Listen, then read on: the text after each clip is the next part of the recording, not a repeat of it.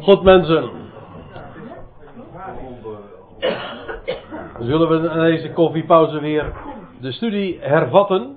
Het was een heftig en nou vooral een, een zwaar item wat ik uh, met name in het slot van de Bijbelstudie besprak.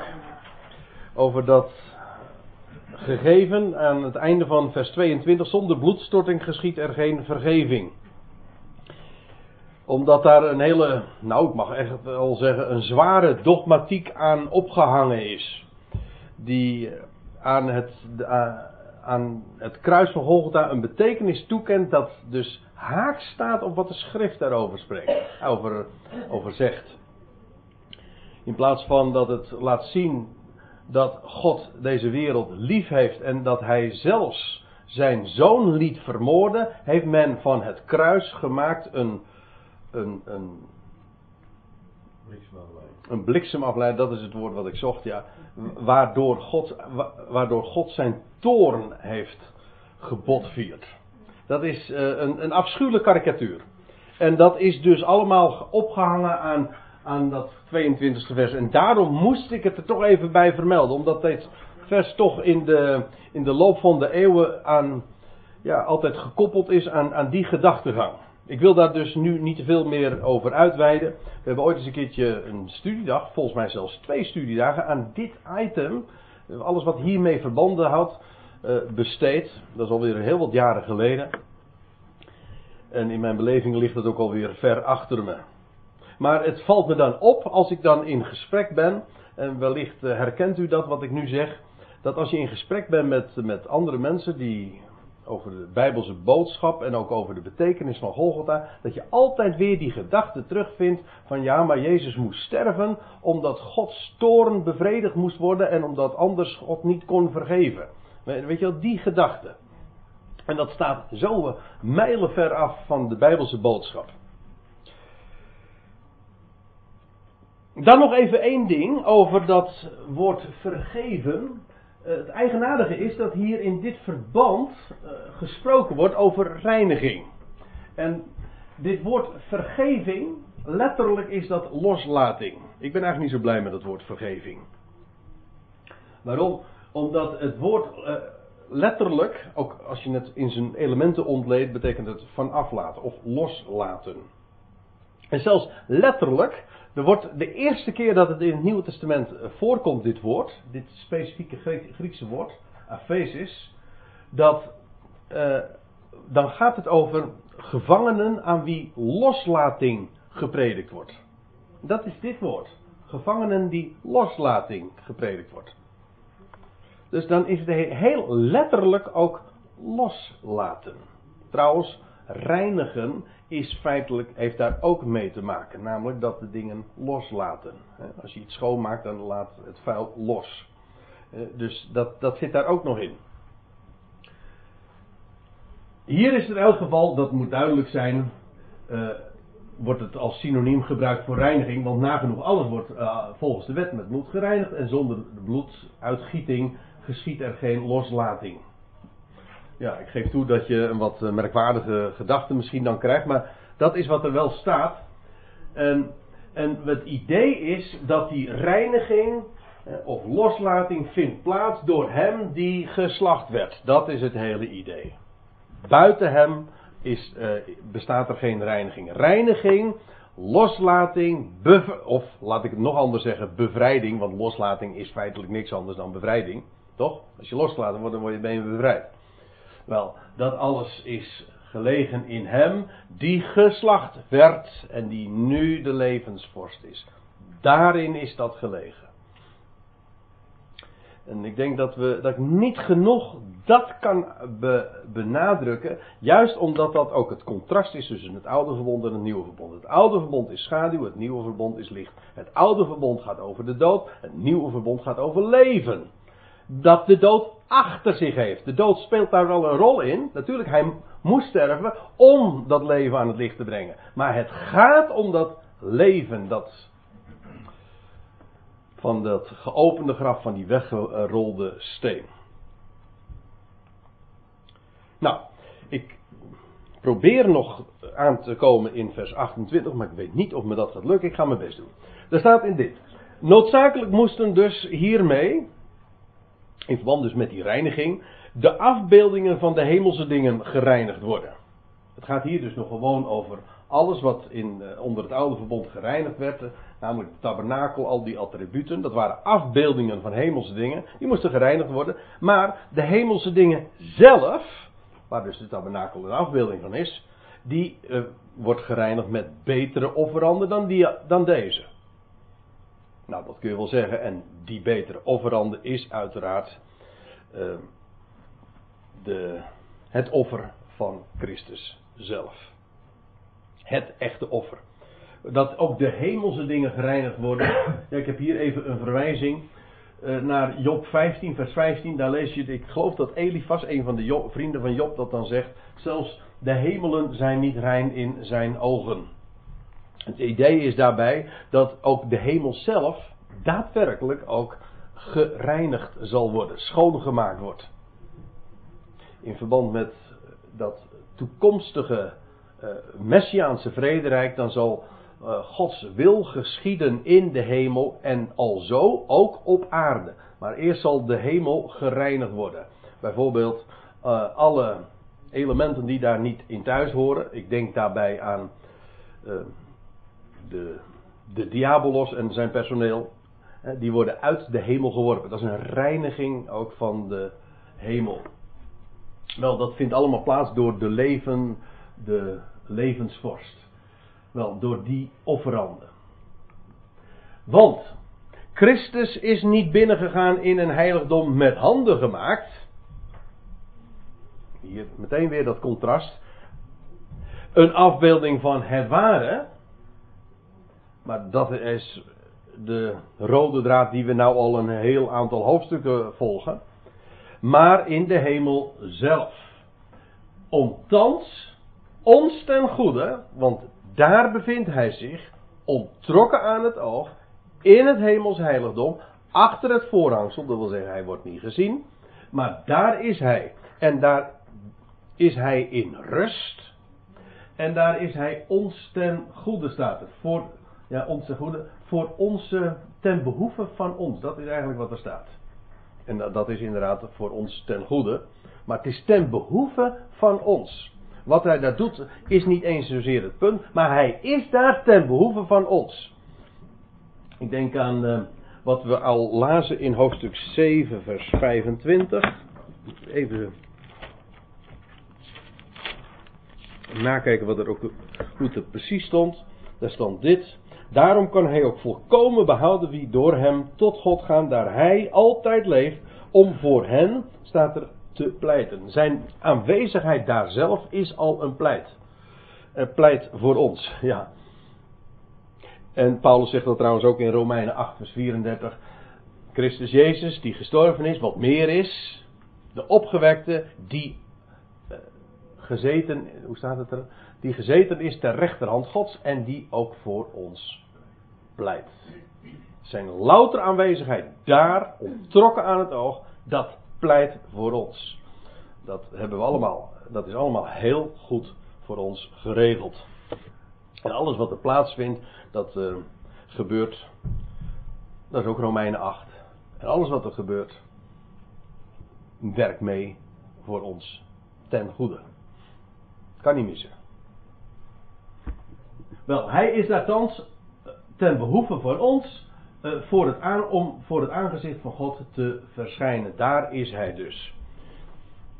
Inderdaad, in, bij, in de woonplaats van God. Voor, om voor het aangezicht van God te verschijnen. En ik heb er de vorige keer even op gewezen. Dat als die hoge priester dus daar in dat hemels heiligdom. Oh, pardon. Als die hoge priester in dat, in dat heiligdom is. Dan in dat binnenste heiligdom, één keer per jaar, dan was dat een heel donker, eh, een donker vertrek. Dat heilige der heiligen. Kijk, in dat heilige, in het, die voorste afdeling, daar had je de kandelaar. Daar brandde voortdurend licht. Maar, dat had, maar dat was, daar, was een voor, daar was nog een gordijn voor. Dat wil zeggen, eh, of een gordijn achter. Uh, in elk geval, in het heilige der heiligen was donker. Daar kwam nog bij dat die hoge priester, als die daar één keer per jaar dan toch verscheen op grote verzondag, dan nam hij ook nog eens een keertje wierook mee en reukwerk, zodat er allemaal rook was. Het was daar feitelijk een duister vertrek. Ook veelzeggend. Maar hij is vandaag daar in het hemels heiligdom. Hij verschijnt daar voor God. En dat is het woord wat hier gebruikt wordt. Hij, uh, hij is daar in het licht. En ook dat lijkt mij in dit verband. Uh, ook dat lijkt mij heel veelzeggend. Ook niet om zichzelf dikwijls te offeren. Zoals die hoge priester dat dus iedere keer moest doen. Dat we zeggen, nee, wacht even, nou moet ik het nog even goed zeggen. Hij hoeft zichzelf niet dikwijls te offeren. Gelijk de hoge priester jaarlijks met ander bloed dan het zijne. In het heiligdom, uh, in het heiligdom gaat. Nee, hij is eenmalig verschenen. En dan niet met het bloed van een, een ander dier. En ook niet eens ten behoeve van zichzelf. Dat moest die hoge priester ook nog eens een keertje doen. Dus je ziet, naast de overeenkomsten, de parallellen, wordt hier vooral ook gewezen, geattendeerd op de grote contrasten dat, tussen dat wat de hoge priester deed in de dagen van het oude verbond en de hoge priester in onze dagen. Hij is daar eens voor altijd, uh, voor altijd gezeten. Uh, dat offer is afdoende, toereikend, voor altijd. En uh, hij is daar ingegaan met het bloed, niet van dat van een ander, maar van zijn eigen offeranden. Zodat hij en offer en hoge priester in één is. Want, staat er, dan had hij, in dat geval had hij dikwijls moeten lijden sinds de nederwerping der wereld. In dat geval, hè, als die uh, als dat herhaald zou moeten worden. Maar thans is hij eenmaal, eenmalig dus, voor één keer, bij de, bij de voleinding der eeuwen uh, verschenen om door zijn offer de zonde weg te doen. Nou, daar, daar moet wel even op, op wijzen en wat, wat nader bij stilstaan. Want het gaat er hier om dat hij eenmaal bij, en dat bij staat er niet. Het staat letterlijk op. Het Griekse woordje epi. En dat betekent hier dan, uh, hoezo op? Hoe kan je nou verschijnen op? Nou, in, uh, met, verschenen met het oog op de voleinding der, e der eeuwen, of de voleinding van de ionen. Ik vind dat zo'n mooie term. Wat ook zo, zo schitterend uh, alle theologie in ja, meteen wegzet. In één zo'n frase wordt een hele theologie gewoon compleet gedemonteerd. Daar niks van over. Waarom? Omdat dit de term is die doorgaans of dikwijls voor, wordt vertaald met eeuwigheid. Maar stel je voor dat men hier had vertaald eeuwigheid. Nou had men moeten weergeven eeuwigheden. En dan had er gestaan de voleinding der eeuwigheden. Maar iedereen begrijpt wel dat dat de grootste onzin is. Want als er iets is waarvan men altijd zegt dat het eindeloos is, dan is het een eeuwigheid. Maar hoe kan dat dan een, einde, hoe kan dat dan een voleinding hebben? Wel, daar klopt dus helemaal niks van. Het is zijn ionen. En die ionen, niet, bijvoorbeeld, je leest ook over de voleinding van deze ion. De heer Jezus zegt dat in het laatste vers van Matthäus Evangelie. Zie, ik ben met u tot aan de voleinding der ion. Ja, de vertalers zeggen dan de wereld maken er altijd een. Uh, sorry hoor. Ja, nee, dat wou ik niet zeggen. Maar... Nou, in ieder geval laten we het zo zeggen. Uh, men is niet altijd de concordant bezig. Uh, als men nou dat gewoon consequent had weergegeven met eeuw of met aion, had, had dat zo'n enorm licht geworpen op, de hele, op zo'n hele kwestie. Maar in ieder geval, er wordt hier gesproken over de voleinding der ionen. De ionen zullen worden voleindigd. En wat zal er plaatsvinden bij de voleinding der ionen? Wel, dan, worden, dan wordt de zonde, gewoon als enkelvoud, als, als totaal, de zonde, weggedaan. Bij de voleinding, of, kijk, hij is bij, kijk, Nee, dan moet ik nog, nog iets anders zeggen. De Heer Jezus is niet in het verleden verschenen bij de voleinding der eonen, want dat was helemaal niet de voleinding der, eeuw, eh, der eonen. Waren de eonen toen voorbij dan? Nee, hij verscheen met het oog op de voleinding der eonen. En wat zal er? Uh, hij verscheen om door, om door zijn offer, zijn dood en opstanding, en dan vervolgens uh, de zonde weg te doen. Dat wil zeggen, wat gebeurt er in die voleinding der ionen? Wel, dan wordt de zonde weggedaan. En, dat, en de basis daarvan is gelegd toen hij ooit verscheen en zijn, en zijn offer bracht. Met het oog op de voleinding der ionen. En de voleinding der ionen is wanneer alle ionen voltooid zijn. Als het werk af zal zijn. Als dat plan van God van de ionen voleindigd is. En dan is de zonde weg. En dan is er alleen nog maar leven. Maar ik zei u al, dat offer heeft te maken met leven. Toen hij opstond uit de doden. En wat gebeurt er? Bij de voleinding der Ionen. Ik kan het u zo vertellen, want in 1 Corinthië 15 staat het er. Hij, daar staat er, hij moet heersen tot, totdat Totdat hij al zijn vijanden onder zijn voeten gesteld zal hebben. En de laatste vijand die hij er niet zal doen, dat is de dood. Kijk, Christus moet heersen tot in de ionen. Eh, tot in de ionen der ionen. Maar hij heerst tot dat. En aan het einde van die ionen zal hij de laatste vijand niet doen. En die laatste vijand is de dood. En als hij de laatste vijand, dat wil zeggen de dood, niet doet, dan is er geen dood meer. En hoe doe je de dood er niet? Door gewoon alle doden levend te maken. En dat is precies wat de schrift zegt. Zoals in Adam alle sterven, zo zullen in Christus allen levend gemaakt worden. En als allen levend gemaakt zijn, dan is er geen dood meer. En met het oog op de voleinding der ionen is hij verschenen om door zijn offer, dood en opstanding, de zonde weg te doen. De doelmissing. En daarmee ook de dood. Dan is dus de schaduw verdwenen. Dan is het alleen nog maar licht. Dan is er geen dood en daarmee ook geen zonde meer. Want zonde en dood, dat is broertje en zusje. Het ene brengt het andere met zich mee. Dus hier zie je het in een heel groot, wijds perspectief geplaatst. Dat offer van Christus is allemaal met het oog op de voleinding van de Ionen. En dan is er geen zonde meer. Dan is die zonde, zoals hier staat, uh, het, de, het, het, wegdoen, het, het wegdoen van de zonde. En dat is echt in de meest radicale, universele zin het geval. Dan zijn we van de zonde daadwerkelijk af. De dood is nu al overwonnen, maar zal worden teniet gedaan. Dat geldt voor de zonde ook. Die zonde zal straks zijn afgeschaft. Weg ermee.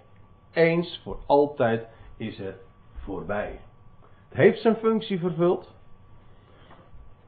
Maar zie daar, het is beëindigd. Afgeschaft. Nou. Ja. En dan hebben we nog twee versen te gaan. En nou, uh, we hebben nu vanavond uh, een, een, drietal nogal theologische triggers, nou ja, toch wel over moeten laten gaan. En, en dan heb ik er nog één voor u. Want uh, vers 27.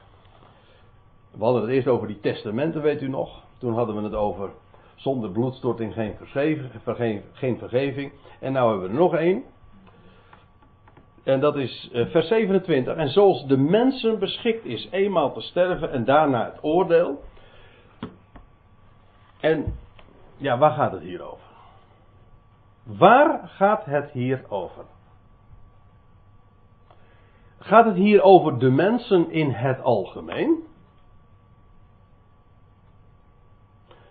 Zou op zich een goede zin geven, want het is de mensen beschikt eenmaal te sterven. Dat geldt dus niet trouwens universeel. Want sommige mensen sterven twee keer, in tenminste in de Bijbel. Hè? Ja, toch? Maar goed, uh, laten we dat dan even voor, uh, voor het gemak uh, even voorbij zien. Maar hier gaat het, de mensen waar het hier in dit gedeelte, in deze context over ging, was het voortdurend over hoge priesters, toch? Het ging de hele tijd over hoge priesters. En ik ga u vertellen, die mensen waar het hier over gaat, zijn ook de hoge priesters. Natuurlijk kun je zeggen, de mens in het algemeen is beschikt één keer te sterven. Maar het gaat hier over hoge priesters en ik zal het u ook laten zien. En dat geeft een prachtige betekenis. En zoals het de mensen, namelijk hoge priesters, beschikt is eenmaal te sterven en daarna het oordeel. Nou zou je zeggen, dat is, want zo is het natuurlijk ons ook altijd verteld. Ja, mensen, één keer zul je doodgaan. Maar en daarna zul je geoordeeld worden. Ja, ik hoor uh, de, tweede dood of de grote witte troon. En het idee trouwens in zich is ook niet verkeerd. Dat wil zeggen, een mens zal inderdaad verschijnen voor God. Om gericht te worden. Maar dat is hier niet aan de orde. Het gaat hier over specifieke mensen, namelijk de mensen, welke mensen, hoge priesters, die en zij sterven en daarna is er een oordeel. En ik ga u vertellen dat het hier gaat over een positief oordeel. Kijk het maar even na in het vervolg. Want laten we even het vers 28 lezen. Daar staat dit. Zoals het de mensen beschikt is eenmaal te sterven en daarna het oordeel, zo zal ook Christus, nadat hij zich eenmaal geofferd heeft om vele zonden op zich te nemen, ten tweede male zonder zonde aanschouwd worden door hen die hem tot hun heil verwachten. Dus wat is hier de vergelijking? Een de, de mensen sterven één keer. Wel, zo is Christus ook eenmaal geofferd om vele zonden op zich te nemen. Ja? Eenmaal sterven en daarna het oordeel. En waar komt dat mee overeen? Wel, zo zal hij uh, ten tweede male zonder zonde aanschouwd worden door hen die hem tot hun heil verwachten. Dat is positief toch? Of niet? Nou, ik, waar, waar, gaat het hier over? Ik, zal het, ik zal u het laten zien. Het gaat hier over een oordeel, namelijk van vrijspraak. En ik neem u even mee naar nummer 35, vers 28 en 29, daar lees je dit. En dat is weer een bepaling uit de Mosaïsche wetgeving. En dan lees je over vrijsteden die in het, die, uh, in het beloofde land waren toegekend. Of die, uh, ja, er waren een, zevental, een zestal vrijsteden. En dan lees je dit. Ik ga nu even helemaal aan die wetgeving, de hele context voorbij, maar dan staat er dit. En in de vrijstad zal hij, en dan gaat het over een doodslager, als iemand per ongeluk iemand had omgebracht, um, gedood. En dan kon hij naar, de, naar een vrijstad vluchten. En dan staat er: In de vrijstad zal hij moeten wonen. Tot de dood van de hoge priester. En na de dood van de hoge priester zal de doodslager naar het land van zijn bezitting mogen terugkeren. En dan staat er in vers 29: Dit zal voor u een rechts inzetting hè, of een oordeel, een rechterlijke uitspraak zijn, gelden voor uw nageslacht in al uw woonplaatsen. En lees nou in dat licht ook eens die versen in eh, dat vers eh, 27 in Hebreeën 9. Het is de mensen, namelijk hoge priesters, beschikt eenmaal te sterven die hoge priester sterft. En wat daarna? Daarna is er een oordeel. Ja, niet een veroordeling, maar een oordeel van vrijspraak voor de doodslagers. Dat is positief. Het gaat hier over een positief oordeel. En dat het inderdaad om een positief oordeel gaat, blijkt dan inderdaad in het 28e vers van uh, Hebreeën 9.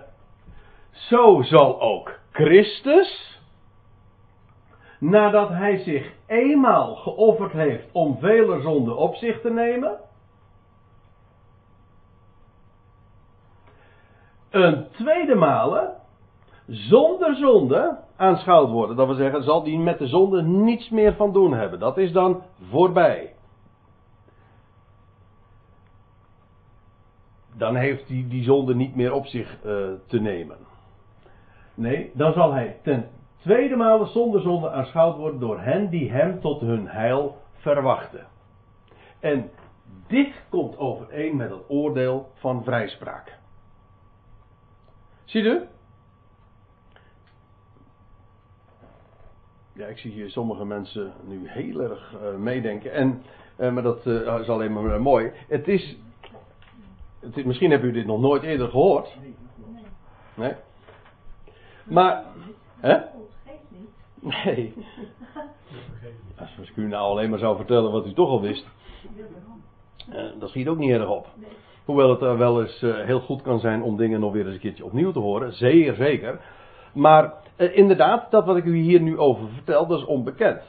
Maar waarom zeg ik dit? Omdat dit perfect past in de context van Hebreeën 9. Het gaat hier, de mensen hier, waar die hier ter sprake gebracht worden, zijn hogepriester. En inderdaad, die sterven één keer. En wat gebeurt er bij de dood van de hogepriester? Wel, daar was een, daar was een oordeel aan verbonden. Dat wil zeggen, een rechterlijke uitspraak. Een rechts, hoe stond het er ook weer?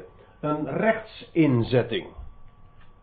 Een rechtsinzetting van vrijspraak voor de doodslager. Die, en die mocht dan weer uit de vrijstad terugkeren naar zijn, naar zijn, naar zijn oorspronkelijke woongebied.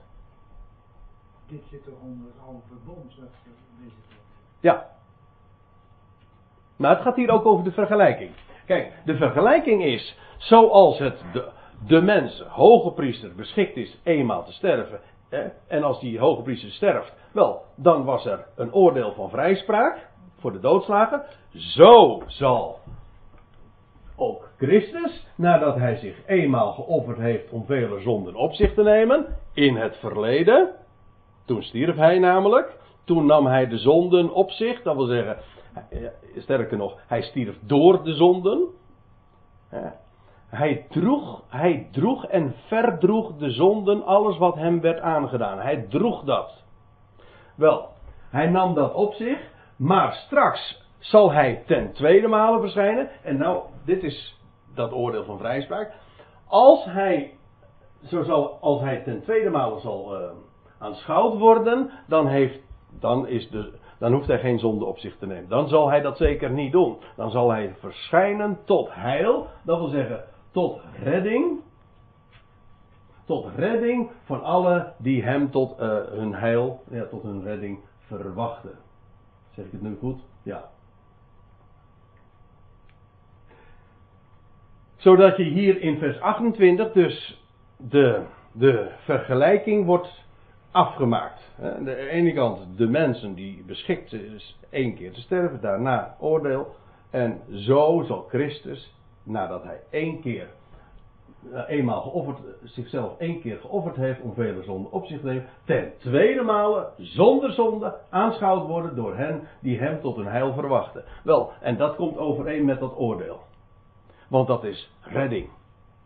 Vrijheid. Nummerie, hoeveel staat het? Uh, achten, wat was het nou? Uh, uh, nummer 35. Nummer 35, vers 28 en 29. En als hij dus dan straks zal verschijnen, moet je je voorstellen, hier is het ook het beeld van die hoge priester. Ja, diverse dingen komen nu eigenlijk bij elkaar. Ik had het net over die hoge priester die sterft. En vervolgens is daar die uitspraak van vrijheid voor de doodslager. En die dan inderdaad weer terug mocht keren naar, het, naar zijn lotsdeel. Aan de andere kant heb je hier die hoge priester, die is ingegaan in het hemels heiligdom. En hij zal straks uit de verborgenheid komen en zal hij verschijnen en dan zal hij gezien worden voor alle die hem Het gaat hier in, de, in het bijzonder natuurlijk over het volk Israël.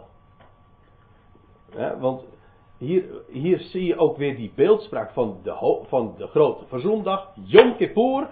Wat gebeurde er op Yom Kippur? Dan ging die hoge priester het heiligdom in en dan wachtte het volk in spanning op die hoge priester die uit de heiligdom zou komen en dan zegende hij het volk en dan ging de zondebok, werd ook weggezonden en dan was de zonde, werd dan ook werkelijk eh, van hen weggedaan.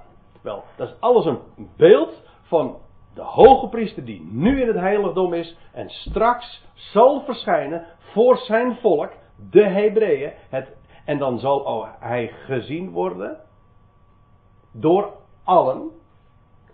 En dan zal ook het nieuwe verbond voor hen in werking treden. Kortom, dan, dan wordt vervuld alles wat al uitgebeeld was in die, ja, in die hele, eh, al die inzettingen die we, waarvan we nu onder andere ook vanavond hebben gelezen. En zo zijn we dan toch nog bij het eh, 28e vers aangekomen, had ik niet, eigenlijk in aanvang niet verwacht. Want eh, hiermee is ook eh, de Hebreeën 9 compleet. En dan kunnen we de volgende keer de draad oppakken bij Hebreeën 10 vers 1. Dat is eigenlijk ook wel zo mooi.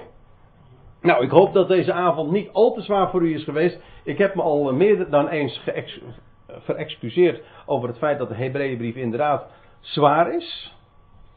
De schrijver zelf excuseert zich er ook over. Het is vaste spijs, het ligt zwaar op de maag, maar oh oh, wat een voedingswaarde heeft het. Dat staat er weer tegenover. Die hem tot hun heil verwachten. Ja, Dus allen verwachten hem tot hun heil. Maar die hem niet tot hun heil verwachten, zijn Ja. inmiddels is al helemaal verkeerd. Allen tot verkeerd. ja dat, dat is ook zo. De voortijd van de Messiaanse tijd. Ja, het gaat hier natuurlijk over degene. Hij zal, hij zal straks, als hij uit het hemels heiligdom zal komen, dan zal eh, een, een overblijfsel, er zullen er ook velen inmiddels omgeko- omgekomen zijn. En eh, een overblijfsel eh, eh, zal op hem wachten. En daarvoor zal hij verschijnen. En hij zal ook inderdaad tot hun redding verschijnen. En hen ook dan brengen in het beloofde land, et cetera. Want daar heeft die doodslager dan ook nog weer alles mee te maken. Want dat volk is namelijk feitelijk de doodslager van de Messias. En ze zullen straks, ze zullen straks gebracht worden in het beloofde land. Ze mogen we dan weer terugkeren naar hun plek, dat waar ze oorspronkelijk ook hoorden. Dus dat zit er ook nog weer aan vast. Maar het gaat hier, dat moet duidelijk zijn, over het Messiaanse koninkrijk eh, dat zal aanbreken op het moment dat hij straks aanschouwd zal worden. Dan zal hij verschijnen dus voor de ogen van Israël en uiteindelijk ook de hele wereld. Het Messia, de inluiding van het Messiaanse koninkrijk. Ja? Nou, dan denk ik dat we er goed aan doen om hier vanavond dan een punt, of zo u wilt een uitroepteken te plaatsen.